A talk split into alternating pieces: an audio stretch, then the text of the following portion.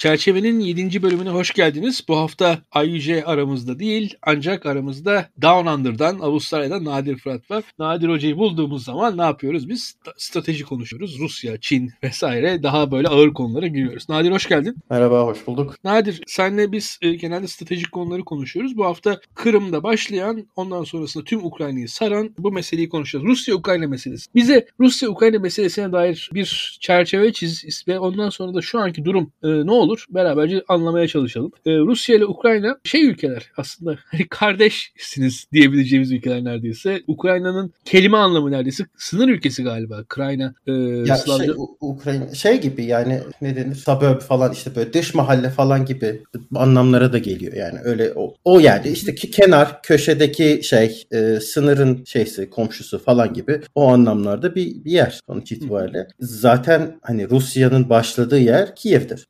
Öyle hani Kiev e, su prensliği olarak başlar. Kilisenin falan da esasında çok uzun zaman e, işte Moskova'ya da yeni bir e, Moskova prensliği oluşana kadar e, daha sonra orası daha işte kültürel olarak e, ön plana çıkana kadar şeydi e, Kiev'deki patriarke daha şeydi daha otoritesi yüksekti falan kabul etti. Zaten daha e, yani öyle öyle bir geçmişi olan bir yer sonuç itibariyle. Ayırması güç gerçekten ama kendi dilleri olan tarihlerinde işte Rusya ile çok da sorunlar yaşamış da bir yer. Ee, hani sonuç itibariyle Sovyet dönemi, Sovyet dönemi öncesi çok ayaklanmaların falan olduğu. Sonra işte bu onların Holodomor dedikleri bayağı bir kıtlığın yaşandığı. Bunun içinde Sovyet ve Rusları suçladı falan. Böyle yani hem kardeş hem uzak olan iki, iki ülke birbirinden.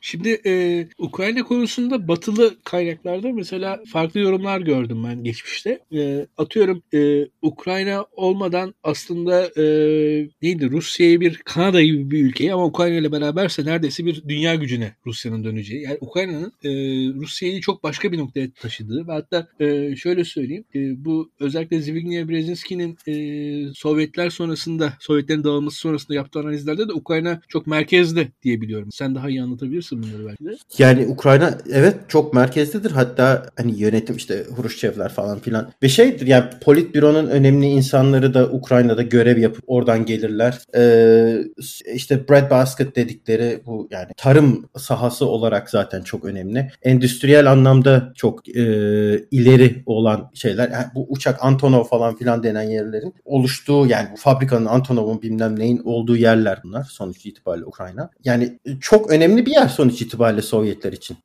Sovyetler döneminde. Ee, şey de enteresan mesela Almanların e, oraya geldikten sonra işte Ukraynalıları Slav olarak kabul et yani Kozak olarak e, hadi bunları görelim falan filan gibi bazı numaralar yapıp onlardan faydalanma hikayeleri. İşte yani hani çok dediğim gibi geçmişleri var ama e, sonuç itibariyle Karadeniz'e e, önemli çıkış Ukrayna üzerinden. E, işte dedi, tarım, e, tahıl falan üretimi açısından Ukrayna ne e, ekonomi açısından çok önemli bir yer tabii ki. Evet doğru. Şimdi Sovyetler Birliği dağıldıktan sonra da Ukrayna'nın bağımsızlığı Batı sistematiği açısından e, Rusya ile dengelerle çok önemli. Rusya'nın da Batı'nın Ukrayna'ya girişinden rahatsızlığı gözüküyor. E, Ukrayna'nın elinde biliyorsun e, Sovyetler Birliği dağıldıktan sonra uzun menzilli uça- e, bombardıman uçakları, nükleer silahlar ciddi sayıda vardı. Hatta e, yani 1991 itibariyle dünyanın en büyük üçüncü nükleer gücü Ukrayna'ydı galiba. Yanlış yani, yani o öyle bir zamandan Ukrayna tabii e, o nükleer gücünü ve e, stratejik silahlarını Rusya'ya iade etti. Belli bir doğal gaz parası karşılığında. E, ama Sovyetler Birliği'nde kurulan sistem yüzünden Ukrayna her zaman e, Rusya'ya belli ölçülerde ekonomik olarak bağımlıydı. E, bir yandan da bakarsak da e, Sovyetler Birliği sonrası mesela Baltık ülkeleri hızlı bir ekonomik kalkınma sürecine girdi girdiler. Baltık ülkelerinin hepsinde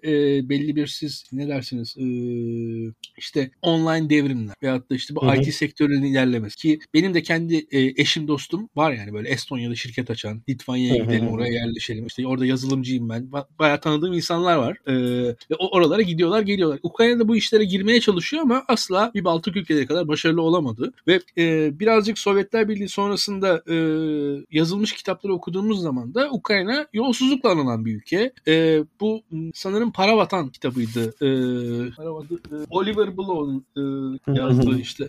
O Para Vatan kitabında şeyden bahsediyor. Yani Ukrayna ordusu bir yerden sonra e, çok e, yani hiçbir re- reaksiyon veremedi Rus ordusuna karşı. Bu işte 2014'teki meselelere geleceğiz yavaş yavaş. Onun şeye bağlıyordu. Yani bir vatanseverlik duygusunu da Ukrayna'da azaltan bir şey var. Çünkü çok yolsuzluk oluyor. Hani bir kayda değer bir e, ülkeye saygı yani e, olmadığı. Yani ben bu ülkeye neden bağlanayım ki? Sonuçta herkes hırsız şey yapıyordu ve orada bu işte 2014'te devrim oluyor biliyorsun Ukrayna'da yine. Arada bol bol devrimlerimiz var. Bu 2014'te olan devrim sonrasında bu e, şeyin e, Yanukovic'in e, şeyini e, saraylarını falan geziyor. O saraylardaki e, işte zenginlik vesaire anlatıyor. Her Ukraynalılar da o saraylar basıyor. Böyle şeyler yaşanıyor. Tabii o sarayların basılmasına doğru giden süreç bir yandan da Kırım'a doğru geldi. Yani o sarayların basılmasından giden sürecin arkasından Rusya'nın Kırım'a operasyonu geldi. Yavaş yavaş buralara gelelim. Ne dersin? Çünkü Ukrayna evet. ekonomi ekonomik olarak Sovyetler sonrasında hiçbir zaman belli doğrultamadı. Her zaman yolsuzlukla anıldı. Her zaman Batı ile Doğu arasında bir gelgitler yaşadı.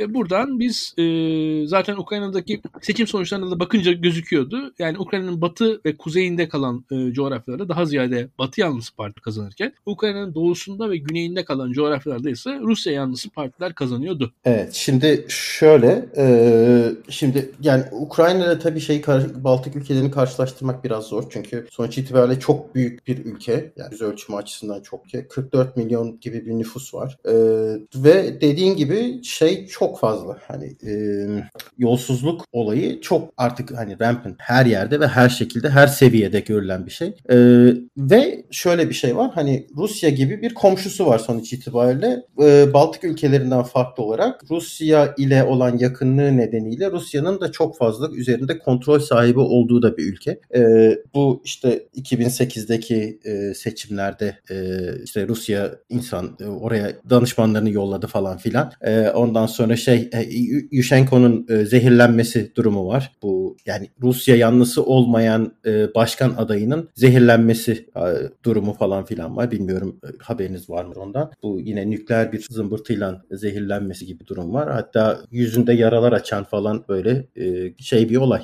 E, neyse sonra sonuç itibariyle arada bir işte bu e, ne denir? E, Orange Revolution dedikleri işte e, 2004'te e, 2004 seçimleri sırasında e, Rusya'nın dahlinde dahliyle e, olduğu seçimlerin olduğu ve e, seçimlerde büyük oranda yolsuzluk olduğuna dair e, iddialar nedeniyle insanların sokaklara döküldüğü ve e, şey e, yani 2004-2005 arasındaki birkaç aylık bir süre içerisinde e, şey bayağı bir olayların yaşandığı falan filan da bir ülke. Yani insanlar sonuç itibariyle uzun zamandır e, yolsuzluklarla ve e, bir şekilde Rusya'nın müdahaleleriyle de siyasi olarak müdahaleleriyle de e, bir rahatsızlık duyuyorlar. Böyle bir şey var. Yani e, bu, bu belli. Ama dediğin gibi e, şey e, fikriyatı ne denir hani işte Ukraynalılık fikrinin bu kadar e, bir ulus olma fikrinin falan çok da aslında öyle çok sağlam olmadığı hani Rusya'yla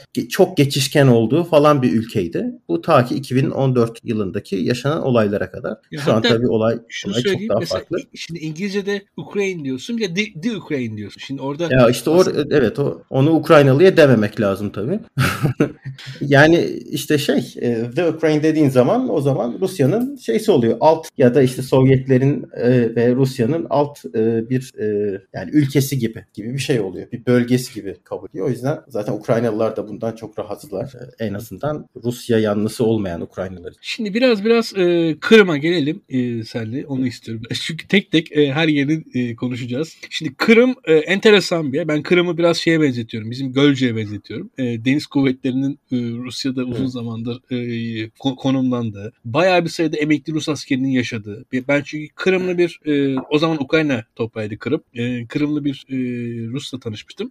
Yani Hı. o şey diyordu mesela Rusya devletinin politikası açısından bizim Ukrayna vatandaşlığında şu an kalmamız daha iyi demişti bana. Yani çünkü babası hmm. albay falandı e, kızın. E, bildiğin hmm. stratejik bir analiz yapmıştı. Sen niye Rus vatandaşı olmuyorsun falan demiştin ona. Yani o da hakikaten tek tek bildiğin Türkiye'deki bu jeopolitik stratejik falan filan diyen insanlar kadar jeopolitika strateji biliyordu kız ve tek tek de bunları anlatmıştı bana. Ben fan, yani gözlerim açılarak izlemiştim. Yani hani e, bu askeri falan konularla alakası olmayan normal bir vatandaştı. Hatta bir Türk'le evliydi ama hala Ukrayna vatandaşı olarak benim kalmam gerekiyor. Rusya'nın çıkarı açısından benim Ukrayna vatandaşlığına kalmam daha doğru falan. Yani böyle bir hakikaten e, Kırım'daki e, Kırım'daki Rus nüfusta da yani e, belki bilmiyorum diğer yerlerde olmayan bir adanmışlık da vardı. Onu da söyleyeyim. Orada bir Rusluk varlığı var yani bir tarafında.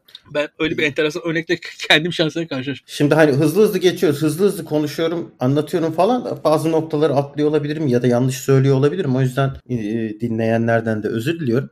Şöyle tam tabii rakamlara sahip değilim kafamda ama şöyle bir şey var. E, bilmiyorum gör hani bu e, Rusya'nın e, yani işgal sonrasında ya insanların sokaklara dökülenlerin bilmiyorum gördünüz mü ama Sovyet üniformalarını giyip gelen adamlar vardı ortada. Hani herifler işte şey e, emekli subaylar falan filan öyle gelmişler adamlar oradan. Oradan buradan işte geri döndüler. İşte Sovyetler geri döndü. Yani orada Rusluğun da ötesinde biraz şey vardı. Hani Sovyet vatandaşlığı fikriyatının hala e, yani bazı şeylerini koruduğu bir yerdi. Anlatabiliyor muyum? O, o, o enteresan bir yanıydı o. Hani işte herkes ya biz Sovyetlerin e, vatandaşıyız. Yani öyleydik, öyle bildik, öyle gördük. E, o zamandan da memnunduk. O yüzden hani Rusya ile zaten e, etnik olarak yakınlıkları var, dil olarak yakınları var. E, bu sebeple yani tabii ki orada da olaylar yaşandı. Hatta Kırım Tatarları falan ilgili olarak bir olay yaşandı. E, ama dediğin gibi hani Rus popülasyonunda ağır olduğu, büyük olduğu bir bölgeydi sonuç itibariyle. O yüzden e, çok da büyük olaylar yaşanmadan e, teslim alabildi Rusya. Ve dediğin gibi aynı zamanda bir e, yolsuzluklar zincirinin de yaşandığı yani oradaki e, işte e, kuvvet komutanının falan yani bölgedeki komutanların e, Rusya'ya ilhak ettiği bir anda şeyin askeriyenin e, böyle komutanlarının falan tamamen ortadan kaybolduğu olaylar yaşandı. E, büyük bir e, komuta ve kontrol e, eksikliğiyle Rusya bir anda yani oldu bittiye getirerek bölgeyi ilhak edebildi sonuç itibariyle. Zaten e, belirli bir zamandır e, anlaşılan oradaki bazı işte kriminal elementlerle de ilişkileri olan onları da aktif olarak kullanmak için bir zaman e, içerisinde aktif olarak kullanmak için orada bulunduran e, onlarla bağ kurmuş olan falan da bir olay da vardı. Hani Rusya'nın böyle bir olayı da vardı. Sonuç itibariyle 2014 yılında bu meydan e, şeysinden sonra e, işte ne denir olaylarından protestolarından sonra e, Yanukovych'in işte kaçmasından falan hikayesi sonra e, şey e, sonuç itibariyle bir anda Rusya şöyle bir şeye e, kanaat getirdi. Yani bu, bu olay zaten hani Avrupa Birliği'ne Ukrayna'nın kayıyor olması hatta işte bir adaylık sürecinde ilerliyor olması falan gibi olaylar nedeniyle e, Yanukovych'in bunu reddetmesiyle bu meydan hikayeleri başladı. E, Rusya çok mutlu değildi tabii bu gidişten e, ve Karadeniz filosu için de çok önemli bir e, yer e, sonuç itibariyle Kırım. Bu sebeple onu da terk etmek istemeyerek e, zaten hani o dönem yani NATO ile ilgili olarak endişeleri vardı. Da, yani şu an daha da fazla var tabii de. E, yani bu bunu kaybederlerse o zaman Akdeniz'e e, inişi falan da tamamen kaybedeceklerini düşünerek böyle de bir e, şeye giriştiler. E, deniyor yani. Tabii tam olarak sebeplerini bilemiyoruz ama bazı bu güvenlik endişelerinin de olduğu kesin. Kesin, kesin. yani e, bir defa Ukrayna Ukrayna donanmasında e, donanmasından ilticalar Rusya tarafına difak ne ne ne evet. e, defectorlar falan oldu. E, o gerçekten skandal bir şeydi yani Ukrayna ordusu açısından. Çünkü çünkü bir yerden sonra siz Ukrayna ordusu diye bir şey var. E, peki bu ne yani? Yani Ukrayna ordusu dediğiniz şey hakikaten Ukrayna ordusu mu orada da? Ve ondan sonrasında da şöyle bir durumla karşılaşıyorsunuz. E, bu burada bir öyle ya da böyle işte Donbas bölgesinde çatışmalar sürüyor. Ve o çatışmalardan da e, yani bir yandan e, böyle gönüllü fotoğrafları geliyor. O fotoğraflar hakikaten insanı rahatsız ediyor. Yani o tarafı da var o işin. E, e, bir yandan da neden bu insanlar bu gönüllüleri, bu düzensiz yapıları kullanıyor sorusu da bir cevabı da burada. Çünkü aslında Ukrayna ordusu denen şey o kadar da güvenilir bir şey değil. Ortada çok net bir Ukrayna ordusu bence yok. Yani onu gösterdi o, o, o Kırım'da mesela yaşananlar. Çünkü en azından olan bitenden haberiniz olur. yani bir şekilde bir gecede hop düşün sabah kalkıyoruz biz Yunanistan vatandaşı olarak devam ediyoruz. böyle, böyle bir şey yok yani. Böyle bir dünya yok. ya yaşanan oydu neredeyse. Ee, bir en azından yani. ya ne oluyoruz arkadaş diyen birisi olur. Ee, hiçbir şey. Ya ben e, şöyle söyleyeyim. Yani Rusya'nın Kırım işgalinden daha kanlı olan futbol maçları falan yaşandı Avrupa'da yani. Doğru canım. Hay adamlar yani sabahleyin üste geldiler. Komutanları yok. Gitmişler. hani kimden emir alacaklar, ne emir alacaklar bilmiyorlar. Ee, şeyden e, üssün çevresi sarılmış. E, asker yani çevreyi saranların kim olduğuna tam olarak emin değiller. Ve şey e, hani şimdi ateş açarsak bu bunlar muhtemelen Rus oldukları biliniyor. Ateş açarsak bu sefer ne olacak o da belli değil. Yani arkamızda bir ordu var mı? Bir gü- güvenlik gücü var mı? Devlet var mı falan. O konularda da tabii hiçbir fikirleri yok adamların. Bu böyle bir olay yaşandı yani sonuç itibariyle. E, hakikaten inanılmaz bir bir şey. Yani inanılmaz bir başarıydı açıkça Rusya açısından. Bu kadar rahatlıkla ve hızlı bir şekilde bunu başarmış olmaları. E, ama Ukrayna ordusu yok demek şu an için artık o kadar geçerli değil. Sonuç itibariyle yani bu 7 sene içerisinde Ukrayna ordusu da biraz kendini toparladı. E, ve de demin de bahsettiğim biraz e, yani bu milliyetçilik hatta şöyle ultra milliyetçilik olayının çok fazla yükseldiğini falan da görüyoruz. E, bu tip olaylar da yaşandı. Ama e, tabii ki hani Rus ordusuyla başa çıkabilecek kapasitede bir e, büyük bir silah e, ve e, insan gücüne sahip değiller. Böyle o kesin. Yani disipline sahip değiller. İşte e, bütün bu de, demin saydığın şeylerde. E, ama hani 2014'e göre şu anda çok daha iyi durumda.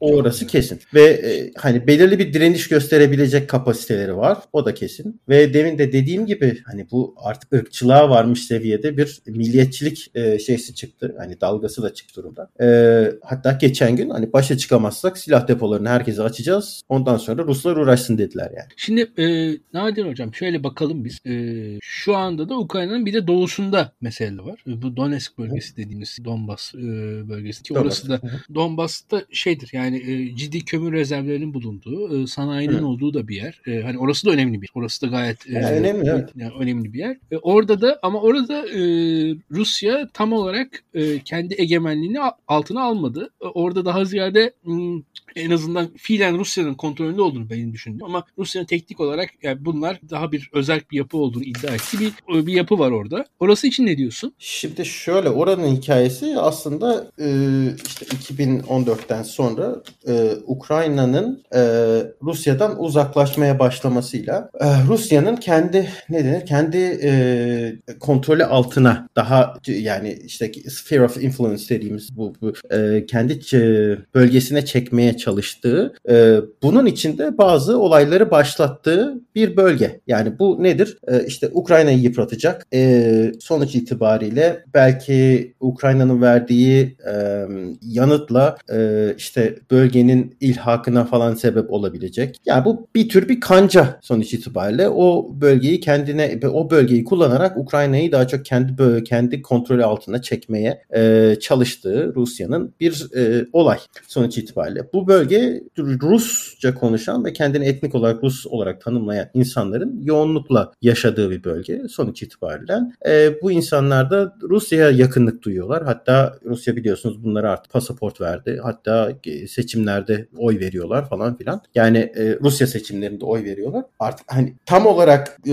Rusya parçası değil ama bu insanlar gidip şeyde oy kullanabiliyorlar mesela bulundukları bölgede. Şimdi burada iki adet e, işte şey oluşturuldu. E, quasi ne denir işte devletcik oluşturuldu. Bunlardan bir tanesi işte e, Lugansk'ta daha güneyde öbürü de e, Donetsk'teki iki tane e, cumhuriyet. Halk cumhuriyetleri bunlar. E, tabii bunları kimse tanımıyor. Yani Rusya tanıyor. Fakat şey e, işte bu çatışmalar bu burada tabii yoğunluklu çatışmalar oldu 2014'ten sonra başladı 2015 falan. E, bu çatışmalar çok uzun sürede devam etti. E, ondan sonra 2015 miydi? 2016 idi galiba işte Minsk'in ikinci Minsk anlaşmasıyla. Şu anda böyle biraz donmuş gibi yani bu bölgedeki e, yoğunluk don, donmuş durumda ama her gün bakarsanız hani bir iki kişinin öldüğü çatışmalar sırasında baya böyle birinci e, dünya savaşı gibi şey e, kazılmış tünellerin içerisinde askerlerin karşılıklı yaşadığı falan baya uzun bir hat sonuç itibariyle. Karşılıklı bunlar e, işte arada bir birbirlerine sataşıyorlar falan. Bu en son bizim bayraktarlarla e, kullanılarak bazı saldırılar gerçekleştirmiş bu şeye karşı. E, işte ne denir oradaki Rus güçlerine karşı diyelim. Ayrıca tabii bir de Rusya'nın e, 9 civarında orada taktik tabur grubu var. Yani 20. orduya bağlı olarak. Bunlar yani tahmin edilen bunlar tabii resmi olarak bir şey değil ama ortaya çıkan kaynaklardan açık kaynaklardan falan da ortaya çıkarılan e, yani 9 taktik tabur grubu gibi bir şey var. O artık kaç bin kişiye tekabül eder. Şimdi hesaplayamadım kafamda da. E, yani bayağı büyük bir gücü bulunan burada Rusya'nın bir bölge sonuç itibariyle. Sonuçta yani aslında şu anda Ukrayna ve Rusya savaş halindeler. Ama savaş yokmuş gibi davranıyor. Ee, Ukrayna aslında şu an için hani e, bir bu şey zamanında e, birinci harpten sonra işte yani Sovyetler Birliği kurulduktan sonra e, Almanlarla ve Avrupa işte yani şeyde e, karşı tarafla anlaşmaya gidiyor Rusya. E, yani Sovyetler o zaman daha Sovyetler yok aslında Rusya e, sosyalist cumhuriyeti. Neyse. E, o zaman diyorlar ki yani neither war nor peace dedikleri şeyin işte Troçki'nin o zaman bulduğu Almanlarla anlaşamıyorlar. E, Troçki de böyle bir şeyle geliyor. Hani ne savaşalım ne barışalım gibi bir şeyle geliyor. Tabi Almanlar bunu dinlemiyorlar. Sonra Petersburg'a kadar geliyorlar. Bana ne lan senin savaşmamandan adam. Ama neyse bu şu anda Ukrayna'da aynı mantıkta ilerliyor. Yani hani ne savaş var ne barış var. Böyle arada kalmış bir Arafat bölgede e, yaşamaktan aslında çok da rahatsız değiller anlaşıldığı kadarıyla. Hatta Ukrayna yani bu çok böyle popüler falan hani insanların dile getireceği bir şey değil ama bu Donetsk'ten işte e, yani Donbas bölgesinden biraz böyle vazgeçmiş gibi. Anlatabiliyor muyum? Çok da umurlarında da değil aslında. Bunu da hatta nereden biliyoruz? E, bu Temmuz ayında geçtiğimiz e, şeyin Putin'in bir makalesi yayınlandı. Orada söylediği bu şeyin stratejinin tamamen başarısız olduğu, 2014'ten beri Rusya'nın uygulamakta olduğu, düşük yoğunlukla savaş ve işte e, başka alternatif e, yolları da kullanarak yapılan stratejinin tamamen başarısız olduğu, çöktüğü e, ile ilgili bir şeysi var, makalesi var. Yani işte Rus e, şey Ukrayna oradaki Donbas bölgesindekinden artık ne yapalım kabul ettik gibi bir havada olduğu için orayı geri almak falan gibi bir derdi yok. Ama tabii ki dediğim gibi çalışmalar devam ediyor. Orada yani günlük işte dediğim gibi bir iki kişi her gün ölüyor görüyoruz. Şimdi Nadir hocam biraz e, Rusya konuşunca insanın aklı soğuk savaş terminolojisine gidiyor. Yani benim aklıma bu salami taktik, salam taktikleri vardır bunların. evet. Şimdi aklıma onlar geliyor. Yani burada bir yandan e, Kırım alındı.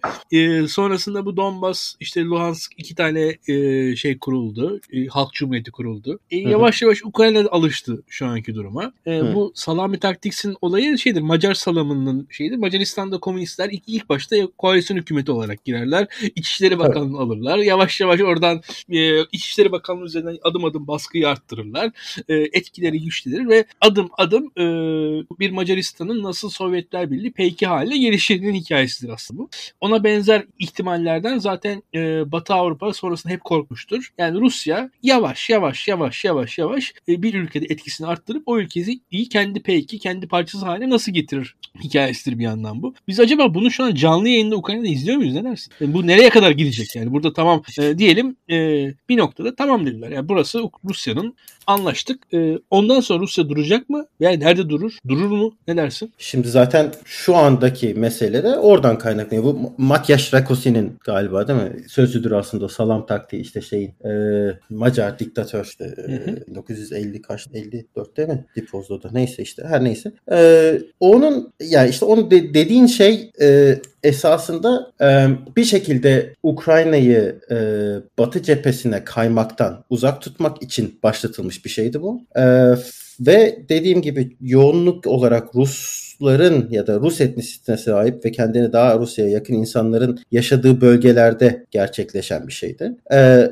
bu sebeple o bölgede olacaklar bir seviyede anlaşılabilir. Ama şimdi olayı daha da e, batıya götürmeye niyetlenirlerse o zaman işin biraz değişeceğini yani değişeceğini görüyorum. Çünkü o kadar yoğun e, Rus değil insanların artık kendilerinin hani Ukraynalı olarak kabul ettiği bölgelerde büyük şehirleri şehirlerin olduğu e, yani o tip yerlere gitmeye genişlemeye kalkarsa Rusya bu sefer başka sorunlarla karşılaşacak. O yüzden bu salam taktiği olarak değil hatta hani yapmaya çalıştıkları şeyi e, işte Ukrayna'yı kendi çeperinde tutmak, kendi kontrolünde tutmak e, stratejisinin de hatta başarısız olduğu görülen bir durum sonuç itibariyle. Şu anda bu taktik yürümedi. Peki şu anda ne yapacağız sorusuyla ilgili olarak sanırım e, Kremlin'in kafası kafasında olan o. Ve bununla ilgili olarak da yapmaya başladıkları ya da yap yani bizim yapıyorlarmış gibi algıladığımız şeyler biraz korkutucu tabii ki. Ee, çok uzun yani birkaç aydır e,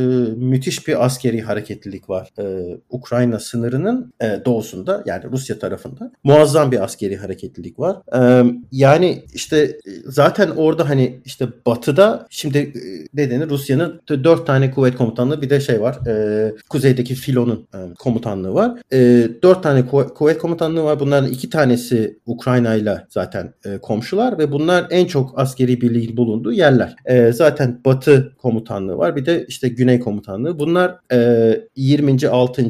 ordular ve 1. Tank, tank ordusu var işte Batı'da. E, Güney'de de hatırladığım işte 8. 9. olması lazım. Bir de 58. ordular var. Şimdi bunlar zaten 8. ordu zaten 2014'ten sonra e, sıfırdan yaratılarak oraya yerleştirildi. Ve bunlar e, 2008 yılında Rusya'da askeri olarak büyük bir e, reform yapıldı. Ve e, şeyler mesela e, askeri bö- bö- birliklerin boyutları Tugay boyutuna indirildi. Tamam mı? Fakat e, Ukrayna'nın Ukrayna'nın çevresindeki ordular e, hepsi tümen seviyesinde birliklere sahipler. Bu da ne demek? E, daha büyük operasyonel kapasiteye sahip, daha uzun e, menzilli operasyon yapabilecek ve daha kuvvetli e, operasyonlar yapabilecek askeri güçler. E, ve tek başına operasyon yapabilecek bir adam. Tek başına yani zaten e, Tugay seviyesindekilerin zaten tek başına operasyon yapabilecek olarak tasarlanmışlardı yani 2008'deki devrimden sonra ama e, o zaten hani Rusya tarihindeki dördüncü dört büyük askeri devrim vardır. Bu onlardan bir tanesi. Ee, burada şey e, ama bu tümen seviyesinde olmaları şöyle. Çünkü Tugay seviyesindekiler esasında biraz şey içinde hani e, counter terrorism falan filan gibi operasyonlar içinde dönmüş ya da insurgency nedeni işte ayaklanmalar şunlar bunlar yani işte Çeçenistan'da bir olay olursa yarın oraya yollarız gibi hızlı e, hareket edebilecek ordu tipleri yapmaya gayret ettiler. Fakat bunun e, Ukrayna ile savaşta yeterli olmayacağı kanaatine vardılar ki e, burada daha büyük seviyeli, daha büyük komuta e, kademeleri olan, daha çok komuta kademeleri olan bir ordu tipine gittiler. Bunun da sebebi de şey, e, komutayı e, rahatlatmak. Hani bir anda e, Tugay seviyesinden ordu seviyesine iletişim olmasın yerine e, Tugay'dan tümene, oradan orduya falan filan gibi bir şey düşündüler. Bunun sebebi de daha hızlı e, başka bir ülke içerisinde ilerleyebilmek, daha hızlı karar alabilmek, kom, kom, komuta kademesini rahatlatabilmek falan filan. E, şimdi böyle bir durum var. Fakat bu, bu ordular tabii ki hani demin saydım bir sürü. E, bunların genel olarak e, askeri yığınakları yani askeri ne denir? Garnizonlarının bulunduğu yerler farklı yerler ve bunların hepsi e, tamamen şeyde değiller. Sınırın dibinde değiller. Fakat son 2-3 aydır gördüğümüz e, inanılmaz derecede bir e, şeye akış var. Hani bu ordu birlikleri sınırda yoğunlaşacak şekilde e, toparlanıyorlar. E, daha hani ordu seviyesi diyebileceğimiz ya da işte ne denir operasyonel stratejik seviyedeki silahlı birliklerin işte bu İskender füzelerini kullanabilen birliklerin falan bölgeye kaydırıldığını görüyoruz. E, Sahra hastaneleri oluşturuluyor. Ondan sonra e, işte ne bileyim e, başka ne oldu yakın zamanda. Çok enteresan bir şekilde bu e, tank anti tank füzelerinin e, verebileceği hasarı azaltabilmek için e, böyle ad hoc işte orada böyle çakma bazı önlemler alındığını falan tankların üzerine e, bazı kafeslerin falan yerleştirildiğini görüyoruz. Böyle sanki hani bir askeri operasyon başlayacakmış ya gibi bir e, izlenim veren bir durum var. Şimdi bu askeri operasyonla ne hedefleniyor olabilir? Tabii bunu kestirmek güç. Veya böyle bir operasyon olacak mı? Bunu da kestirmek. Çünkü Rusya'nın şöyle bir adeti var. E, böyle güç gösterileri yaparak e, diplomatik başarılar elde etmek ya da diplomatik bazı şeyleri aktive etmek gibi bir e, adeti var. Ama aynı zamanda e, sanki diplomatik başarılar elde etmek için bunu yapıyormuş gibi gösterip bir anda stratejik sürpriz yaparak karşı tarafa saldırmak gibi de bir huyu var. o yüzden yani tam olarak kimse ne yapmaya çalıştığını kestiremiyor. Ama e, bazı indikasyonlar var ki yani çok hakikaten insanı korkutacak seviyede şeyler. Şimdi e, şöyle bir şey var. E, ha tabii burada benim birkaç gündür düşündüğüm şimdi mesela Amerika ile konuşmaya başladılar. Bu tabii büyük diplomatik bir hani kendi açılarından e, bir başarı olarak görülüyor. Fakat şöyle de bir olay var. Eğer e, Rusya Ukrayna'nın Amerika'yı dinleyeceği sadece Amerika'yı dinleyeceği kanaatindeyse bazı şeyleri değiştirmek için o zaman zaten e, kendi e, sphere of influence'ından çıktığını ve tamamen Amerika'nın kontrolünde olduğu kanaatinde de olmuş olabilir. E, bu durumda da yapabileceği hani birkaç şey var. Bir tanesi deniyor ki e, hani diplomatik bir şekilde e, Finlandiya modeli uygulanabilir. Finlandiya modeli de nedir? Soğuk Savaş süresince Finlandiya e, hiçbir ya yani iki tarafa da katılmayarak e, sınırda bir şey bölge, tampon bölge gibi e, kendi başına bağımsız bir ülke olarak kaldı. E, aynı şeyi burada şimdi Ukrayna için deniyor. Hani ne NATO birlikleri oraya yerleşsinler e, ne de Rusya oraya e, herhangi bir şeyde bulunsun. Biz şey yapalım. Bu Ukrayna'yı böyle bir işte tampon bölge haline getirelim gibi bir şeyleri var. Şimdi Rusya'nın tabii kaygısı NATO'ya kayması Ukrayna'nın. NATO silahlarını bu bölgede yerleştirisi. Fakat yani NATO'nun böyle bir girişimi yok. Bir tek hayır, tabii var bazı şeyler var tabii de. Mesela bu e, askeri e, şeylerin pardon ne denir? E, tersane pardon donanma e, askeri gemilerin yanaşabileceği limanların e, Amerikan gemilerine uygun hale getirilmesi falan gibi bazı olaylar var. Bunlardan rahatsızlar tabii. Ayrıca bu bayraktarların alınmasından rahatsızlar Rusya olarak. E, Javelin e, füze, işte anti tank e, füzelerinin satılmış olmasından rahatsızlar. Bunun gibi şeylerden rahatsızlar. Bu durumda hani NATO tamamen burayı terk etsin. E, biz de dahil o müdahil olmayalım gibi bir söylemleri var. Aynı zamanda Ukrayna'nın e, bu Donetsk bölgesine saldırıp orayı ilhak edi yani te- tekrar ele geçirmeye çalışacağı falan gibi bir e, söylemleri de var. Bundan uzak durması için Ukrayna'yı uyarıyorlar sürekli olarak askeri çözüme gidilmemesi gerektiğini. Minsk anlaşması Minsk 2'nin işte e, tekrar uygulanması gerektiğini falan filan e, bastırıyorlar. Fakat aynı zamanda dediğim gibi inanılmaz bir e, şey var. Askeri yığınak var yani sonuç itibariyle. Şimdi eğer planları eğer diplomatik bir çözüme ulaşmak değil de e, gerçekten askeri bir operasyon yapmaksa o zaman e, muhtemelen e, yani şöyle de bir olay var. Hakikaten Rusya'da inanç şey yönünde. E, o bölgeye yani girersek eğer oradaki insanlar bizi e, şeyle e, ellerinde çiçeklerle karşılayacaklar gibi bir inançları var. Yani Ukrayna'dakiler bizi her yerde elleriyle ellerinde çiçeklerle karşılayacaklar falan gibi bir inançları var. Ki ben çok öyle olduğunu düşünmüyorum ama demek ki Rusya öyle düşünüyor. Ee, yani işte şöyle bir şey düşünülebilir. Dnieper nehrinin doğu kısmını tamamen alacak şekilde e, yani Rusya'nın parçası yapacak şekilde bir askeri operasyon. Yani Kiev'in artık karşısına yerleşip e, Batı'yı tamamen şeye bırakıp e, yani Ukrayna'ya bırakıp sanki böyle bir çözüme gitme ihtimalleri de var. Ama tabii dediğim gibi tam olarak bilemiyoruz şu anda. Yani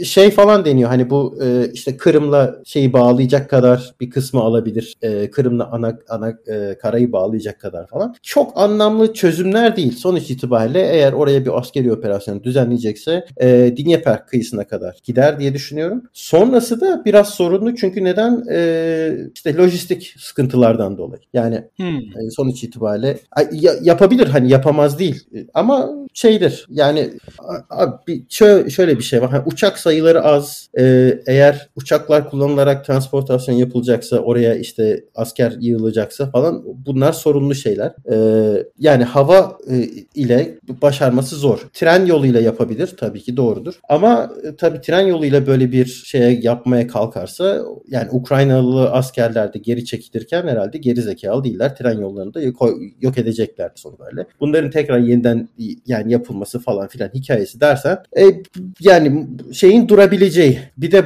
bu hani oldu bittiye getirilebilecek kadar bir mesafe. Fakat daha sonrası e, dünyadan alabilecekleri tepkinin çok daha büyüyebileceği yani zaman içerisinde bir mesafe. E, bir de şimdi Amerika tabii e, şeyle tehdit ediyor işte bu e, yani finansal olarak e, bazı e, işte önlemler alırız işte ne bir yaptırımlar uygularız falan gibi şeyler söylüyorlar. Mesela nedir işte Swift'ten çıkaracağız sizi. E, Nord Stream'in tamamen yani iptali falan gibi şeylerden bahsediyorlar. E, şimdi ki Almanya'da bazı... Yeşiller Partisi şeye girdi. Yani Nord Stream'i iptal etme e, niyetinde olabilecek parti hükümete girdi. Doğru söylüyorsun. Tabii ki çok doğru. Ama aynı zamanda Avrupa çok da kararlı bir yer değil. Doğru. Yani bu kadar kararlı bir şekilde alabilecek ve Rusya'nın çok yatırımı var. E, finansal pazarda çok fazla da yatırımı var. Yani kara para yoluyla yıllarca al, yaptıkları yatırımlar da var. Sonuç itibariyle kolay değil Avrupa'yı ikna etmek. Şimdi Amerika'nın derdi onu ikna etmek sanırım. E, yaptırımları uygulayabileceğine dair en azından e, hani e, Rusya'ya böyle bir gösteriş gösterme bir şeyleri gösterebilme falan derdi olabilir. Hmm. Ama hani tam olarak emin değiliz tabii. Ama şu anda tabii. Amerika bununla uğraşıyor. Yani. Ya, e, Nadir şimdi ben mesela sen anlatıyorsun. Türkiye'de bir Türk perspektifinden anlatayım mesela bir de. E, işte mesela Yunanistan'ın e, Dede Ağaç, Dimetoka civarında Amerikan askeri e, yapılanması var ve biz e, on, şu an Türkiye'de de o Türkiye üzerinden bu değerlendiriliyor. Aslında o yapılanma şu an e, bir ucu Ukrayna'ya bakan bir yapılanma yapılanma ve aslında o yapılanmanın Yunanistan'da olması da Türkiye'nin e, bu krizde ne rol isteneceğini Batı'nın tam bilememesinden de kaynaklanıyor bir yandan. Türkiye'nin hakikaten de e, en azından Batı tarafında tavır alıp almayacağı çok net değil. Hala Ukrayna'nın yanında nispeten bu krizde Türkiye duruyormuş gibi anlaşılsa da e, sonuçta çok net bir pozisyon yok de. Hala Putin'le yakın ilişkiler sürüyor.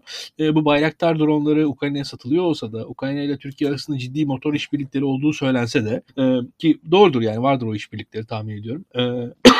ya hatta işte bazı daha iddialı sözler söylense de işte tank motorudur, işte atıyorum orta menzilli uçaktır falan. Onlar bir acayip fazla iddialı şeyler bence ama e, onun dışında Türkiye'nin işte mühimmattır, e, daha işte bu drone satışıdır gibi şeylerde Ukrayna ile işbirliğinin ben e, gayet faydalı olacağını da görüyorum yani onu da söyleyeyim. E, ama Türkiye'nin rolü bir defa tam net değil. Ben göremiyorum yani Türkiye nerede yer alacak, ne yapacak tam onu hissedemiyorum. Onu Amerika'da hissedemiyor muhtemelen benim gibi ve Amerika'da Yunanistan, Romanya, e, Bulgaristan Bulgaristan üzerinden bir e, sanırım orada bir askeri yapılanma kuruyor. E, bu yapılanma ama ne, o kadar iddialı değil. Yani şöyle bir şey var. Artık şu an Amerika'da eski Amerika değil benim gördüğüm. Yani öyle Ukrayna'ya gidelim askerlerimizi koyalım orada bir Rusya'ya karşı kendi varlığımızı gösterelim. Çok da Amerika'da o heyecanı ben göremiyorum. Hani eski belki hani eski derken 20 yıl önceki Amerika olsaydı belki de bence e, şu an biz Ukrayna'da Amerikan askerlerini çoktan görmüş olurduk. Şu an ama orada bir e, Amerikan yapılanması hala yok. E, e diyelim e, yine devamında e, iki tarafta yani şu anki krizde aslında benim e,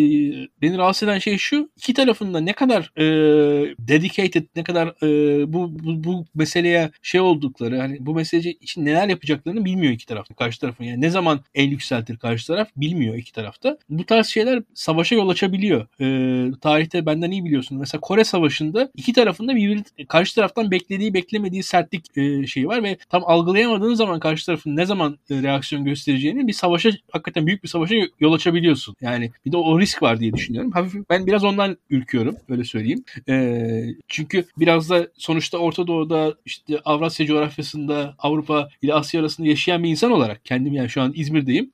Savaşın olması kötü. Yani ve her savaşta benim hayatımı öyle ya da böyle siyasal, sosyal, ekonomik açıdan kötü etkiliyor diye düşünüyorum. E, bu savaşın da yani Ukrayna'da da bir çatışma çıkarsa bunu Türkiye'de yansımasının olacağını düşünüyorum hatta yani öyle söyleyeyim. E, bir Türkiye'nin alacağı tavırdan bağımsız olarak yani her çatışma Türkiye'de de e, otoriter gündemi, otoriter e, siyasal ajandaları güçlendirecek bir şeydir. E, neticede siz yani şu an Türkiye e, Türkiye'nin yakınında bir yerde bir savaş oluyorsa siz Türkiye'de insan hakları derken, demokrasi derken daha az dinlenirsiniz. E, sağda solda insanlar çok da bir yandan da rasyonel de olan bir şey olur. Hani yanımızda, yanı başımızda savaş var sen ne diyorsun denir net bir şekilde. Ee, Birçok kaygı, insani kaygının arka plana atılacağı bir şeydir. Ee, bir ortamdır savaşın yarattığı ortam. Ee, ve devam edeyim. Ee, Ukrayna konusunda Batı'nın e, ne kadar e, adanmışlık gerçek göstereceğinden hiç emin değilim. Ruslar da emin değil e, diye düşünüyorum. E, Rusların ne kadar ileri gideceğinden dediğin gibi orada da sorun var. Çünkü Ukrayna'nın e, belli bir coğrafyasını siz işgal ettikçe kalan coğrafyasıyla ilişkiniz tamamen kopuyor. Şu an aslında öyle ya da böyle Rus taraftarı olabilecek bir kitle. Ukrayna içindeyken Ukrayna'yı kendinize yakın tutabiliyorsunuz ama Rus taraftarı olan kitle ayırdığınız zaman kalan coğrafya tamamen size düşman bir coğrafya olarak kalacak. O da o anlama geliyor. O da Rusya açısından hani Rus çıkarları ise en doğrusu hangisi bilmiyorum. Ona Rusya karar verecek. Ee, bir de tabii dediğin hikayede e, işte ne, Dinyeper Nehri değil mi? Ee, efendim? Evet evet. evet Dinyeper. Şimdi Dinyeper Nehri, Dinyeper Nehri dediğin zaman da Dinyeper Nehri'nin ötesinde de bir, bir Moldova diye daha küçük bir eski Sovyet ülkesi var ve orada da Transdniester diye bir, bir başka bölgemiz daha var. Yani e, hatta Transdniester dediğimiz zaman da bir diğer ünlü şehir aklımıza geliyor. Odessa, Ukrayna'nın e, Karadeniz'in batısındaki bir limanı. E, yani bir yandan da bir Ruslar Odessa'ya kadar gitmek isterler mi? Bir hani bir uçları da Balkanlara değsin. Hani bir ellerin ucu da Balkanlara da doğru da değsin isterler mi? İsterler. Onu da söyleyeyim. Yani Tuna Nehri'nin ağzına kadar ulaşmak e, hayalleri olabilir mi? Neden olmasın? Yani bu açıdan bir yandan da şu var. Amerikan stratejisi açısından da bazıları da şöyle bir şey söyleyebilir. Yani Rusya ile biz şu an e, açıktan mücadele etmek üzere Afganistan'ın da yapılanlara benzer bir şekilde bol bol işte tank savar, uçak savar, tank savar, uçak savarla bu işi Rusya'yı burada e, bağlarız diye düşünen bir Amerikan aklında olabilir ne yazık ki.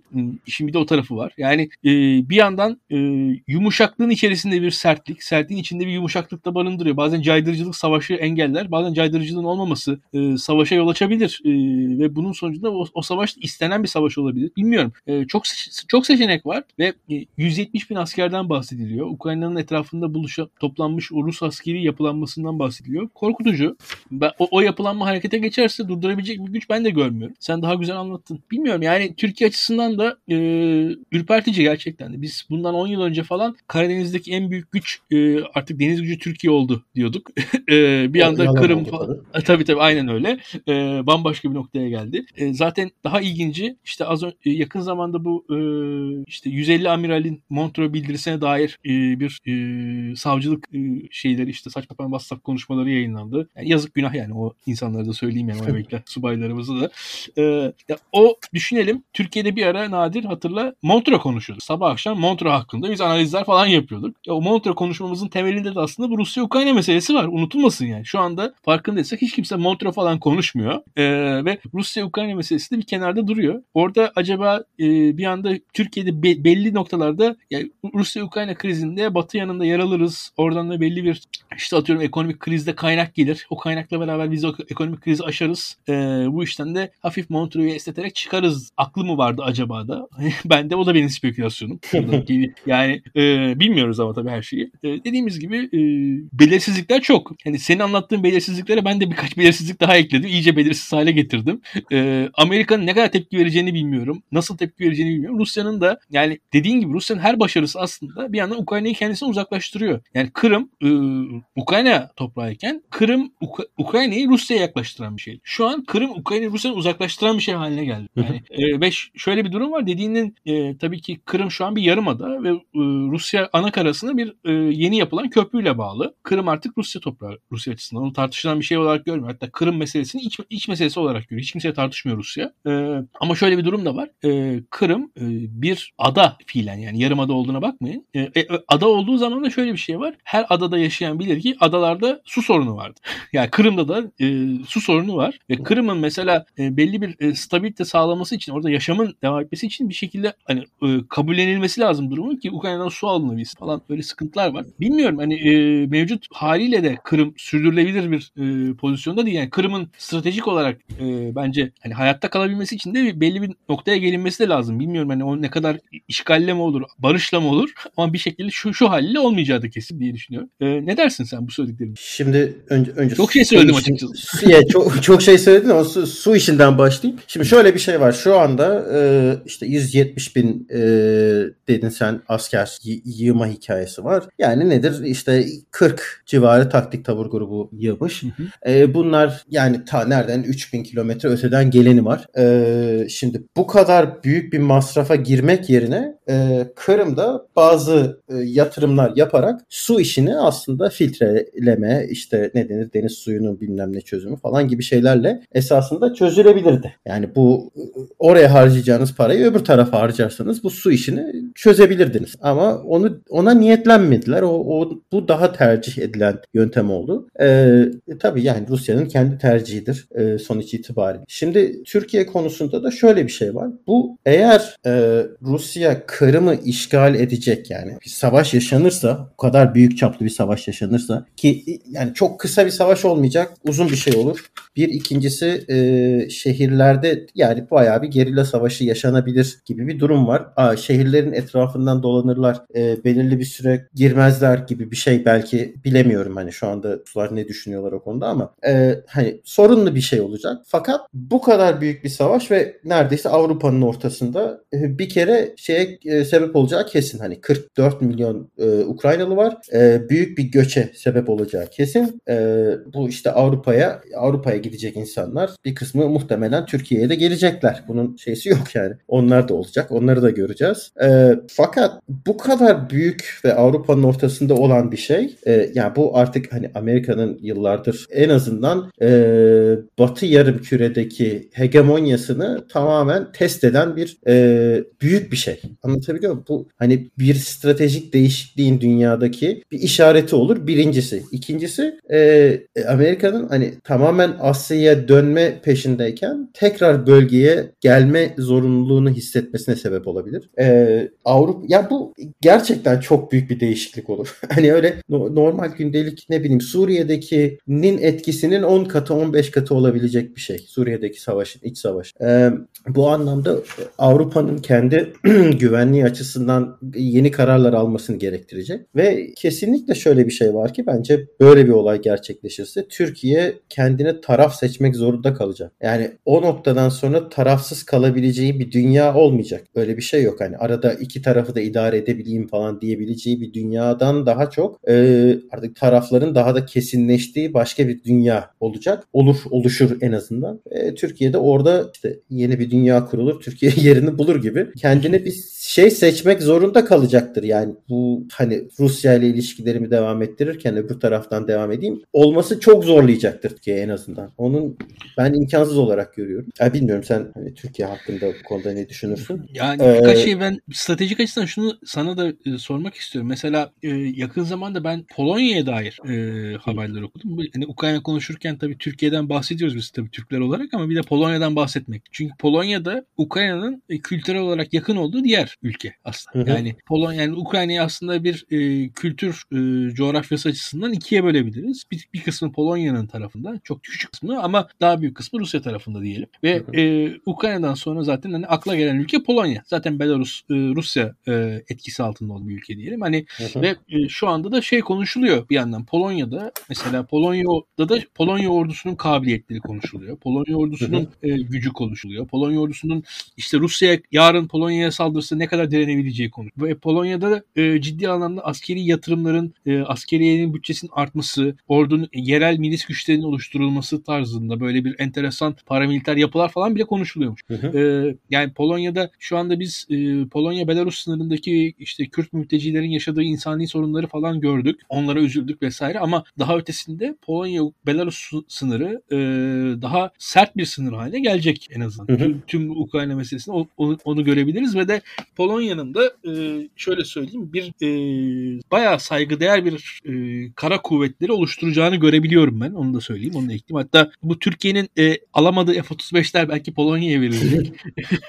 Biz de tabii gene her konuda olduğu gibi o konuda da Türkiye'den bahsedelim. E, yani Polonya ordusunu konuşacağız herhalde. Yani biraz şey durum var. Amerika geriye çekildikçe e, ülkelerde şunu görüyorlar. E, öyle ya da böyle her koyun neticede kendi bacağından asılıyor. Yani sizin bir kendi askeri yapınızın e, bir kendi caydırıcılığınızın olması gerekiyor. Amerika'nın caydırıcılığına güvenerek e, bir şey yapamıyorsun. O da e, hayatın gerçekçi gerçeği de o diye düşünüyorum. Ne dersin? Yani e, sadece Polonya açısından değil Almanya'nın bile kendi kendine bazı şeyleri sorgulayacağı, düşüneceği gelecek günler geliyor yani sonuç itibariyle. Hani e, kendi silahlı kuvvetlerini yeniden düşüneceği bazı e, bir durumda sonuç itibariyle. Ve bu sadece hani askeri anlamda da değil. E, yani finansal geçişkenlik çok fazla bu ülkeler arasında ve bunun yarattığı işte bazı güvenlik sorunları var. Ee, mesela bunların bunları yeniden düşünmeye başlamaları lazım. Ee, ülkedeki ülkelerindeki Rus yatırımlarını tekrardan yani şöyle bir şey var. Mesela Rusya'nın Türkiye üzerindeki stratejik gücünün işte gerek e, bu nükleer santral e, hikayesinden olsun, gerek işte Suriye'deki ilişkilerden olsun, e, gerek e, enerji doğalgaz. olsun, enerji doğalgazdan olsun. Bunları kullanıyor sonuç itibariyle Rusya. E, bunları hani her zaman için iyi kullanmayı da biliyor. E, e, bu Nord Stream 2'nin mesela olayı Ukrayna'nın çevresinden dolanıyor olması, e, onun aktive olması durumunda Ukrayna'nın 2 milyar dolarlık yıllık zararı var en azından nereden. Şimdi Rusya bu tip stratejik şeyleri çok başarılı kullanıyor. Yerinde kullanmayı da biliyor. Yani ee, bizim Türk akımı zaten hikayesi öyleydi. Heh. Polonya ve Ukrayna aslında pas geçiliyor. Evet, evet, Polonya ve Ukrayna evet doğru söylüyorsun. Yani bu ikisi pas geçiliyor ve bu bunlar sonuç itibariyle bazı e, kendilerine potansiyel e, stratejik kuvvet sağlamak ya, için yapılan yatırımlar da aynı zamanda. E, ben Daktilo'da Aydın Sezer'i konu kalmıştım. Aydın Sezer 90'larda Türkiye'nin e, Moskova e, elçiliğindeki Moskova temsilciliğindeki ticaret ateşesi, ateşesiydi. Bu bildiğin Rusya'yla en büyük pazarlıkları yapmış insan aslında olarak bayağı.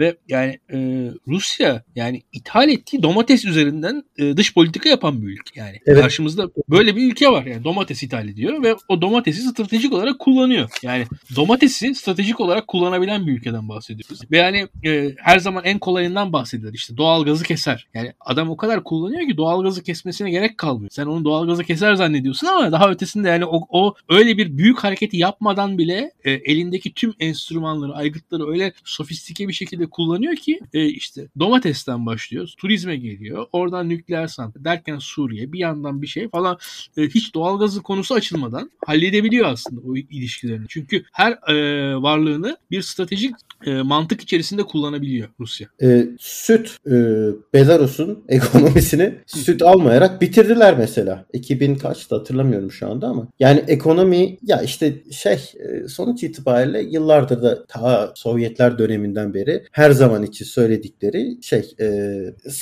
konflik, sa- savaş diyelim. Savaş e, işte politik, diplomatik, ekonomik ve e, işte askeri bilmem ne şu bu falan her türlü alanı kapsayan bir şeydir. Rus düşüncesinde bu var yani sonuç itibariyle. E, bunu rahatlıkla kullanabiliyor. Yani istediğine istediği şekilde baskı yapabilecek hale getirdiğinde e, o baskı noktalarını çok rahatlıkla aktive edebiliyor. Hatta biz bu Suriye'de askerlerimizi kaybettiğimiz e, saldırının Rusya'dan gelen saldırıya yani Rusya yokmuş gibi cevap vermek zorunda kalmamızın sebebi oydu. Hani Suriye'ye saldırmamızın da sebebi oydu. Çünkü bazı stratejik e, özgürlükleri var Rusya'nın üzerimizde ve Türkiye'nin de e, NATO'ya olan uzaklığından dolayı e, Batı cephesinden de çok fazla yardım alamaması gibi bir durum vardı. Bunu da çok iyi kullandı. Yani e, sonuç itibariyle hani şeyler arasındaki çatlaklıkları da e, çatlakları da bilerek onları da e, onlara da su vererek o çatlakları genişletmeyi falan da çok iyi bilen e, insanlar sonuç itibariyle e, illa askeri olarak bir şey yapmaları gerekmiyor tabii. İşte e, durum o. Ha, askeri olarak yaptıklarında da işte Donetsk'teki gibi işte Donbas'taki gibi kendi askerleri orada mı değil mi e, yani böyle bir gri alanda da kullanmayı çok iyi bir süredir biliyor. Ama tabii gri alanın da kullanmanın şu anda e, o stratejinin yeterli olmadığını gördük. Şu anda işte bakalım ne yapacağını düşünüyoruz. Ama dediğim gibi başka elinde yaptırım aygıtları da olan bir ülke. O yüzden başka şeylerde yapıyor olabilir. Ki kestirmesi gerçekten zor. Hani ne düşünüyorlar? Ama şöyle bir şey var. E, Putin risk almayı almaz e, gibi falan düşünceler tamamen bence anlamsız. Hani sonuç itibariyle Kırım'ı alırken de büyük bir risk vardı. Aldılar. Ee, böyle riskten kaçan falan bir adam değil. Onu kesin olarak e, belirtmek lazım. O yüzden zaten bence şu andaki e, durum ya şu anda hala askeri birlik kayıyor. Şu anda hala biz konuşurken bile askeri birlikten ya bir Aralık'ta mesela 20. ordu şey yaptı. E, 200 sniper e, bir anda şeye geçtiler herifler. E, egzersiz neden işte ta, tatbikata geçtiler falan. Bu tip şeyler ufak ufak bir anda herkesi bir hazır konumuna getirmeye falan başladılar. Ee, yani askeri güç kullanabilir ama kullanmaya da bilir korkusunu da yaratıp bunu da kullanmayı da iyi biliyorlar. Böyle de bir şeyleri var. Ee, o yüzden kestirmesi çok zor ve fluid işte yani akış akışkan bir durumdayız şu anda. Ee, Amerika'nın elinde çok fazla yapabileceği bir şey yok bence. Zaten sorun da o. Ama herhangi bir askeri harekat sonrası e, Amerika'nın bölgeye asker yani Avrupa'da askeri üsler kurmaya başlaması, geri dönmesi gibi şeylerle karşılaşabiliriz. NATO ülkelerinin e, savunma harcamalarını arttırmalarıyla karşılaşabiliriz. E,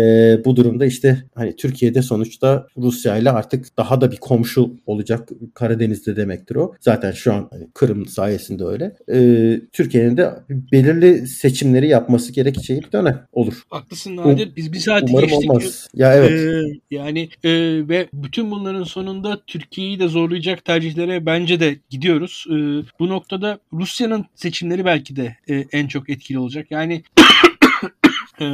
Ukrayna'nın bir tarafını işgal etmek mi yoksa nispeten daha büyük bir Ukrayna ve onun üzerinde stratejik olarak veya sosyal kültürel olarak daha etkin bir Rusya mı? E, İkisinden birini tercih edecek belki de Rusya. E, Hı hı. Ve bu çatışmanın boyutunu e, muhtemelen yine Rusya belirleyecek. Yani çatışmanın boyutunu da Batı belirlemeyecek. O gözüküyor. E, Batı'nın Ukrayna'ya desteğinin sınırları belli oldu. Yani ne Almanya'sı ne Fransa'sı Ukrayna için çok da fazla bir şey yapacak gibi durmuyorlar. E, Ukrayna'nın elinde hala e, bahsettiğin silahlar işte atıyorum Türkiye'den alınan bayraklardan bahsediyorsun ve, ve de anti-tank füzelerinden bahsediyorsun. Yani e, çok da e, en azından bir taarruz için bir şey yok ortada elde. Yani en azından Ukrayna'nın ben e, Rusya'dan bir şey geri alabileceğini inanmıyorum yani onu söyleyeyim. E, bunun ötesinde de e, burada muhtemelen önümüzdeki sıcak günler hani bu soğuk günlerde o sıcak Ukrayna belki gündemi e, beraberce yaşayacağız. Mülteci meselesi e, artık e, stratejik bir e, silah haline geldi ne yazık ki mülteciler. E, bugün e, ben o Belarus Polonya sınırında Kür- Kürt mülteci görüyorsunuz. Yani e, bu dünyada hani şey gibi e, mülteciler de stratejik bir varlık haline gelmiş durumda. Ve onlar Tabii. öyle kullanılıyor. Yani onu da görmek lazım. Ukraynalılar da yani biz de mülteci olarak geliriz diyorlar ve artık Ukrayna elindeki silah o. Yani teknik olarak Batı'yı ancak öyle ikna etmeye çalışıyor. Bu Hı hı. da e, yani bundan sonra işte sen de düşün yani bir e, jeopolitika, jeostrateji falan konuşurken yani bir mülteci yollama kabiliyeti falan diye diye bir şey var yani artık dünyada ve e, ve o, onun üzerinden e, etkili oluyorsunuz. Yani etkili de olursunuz.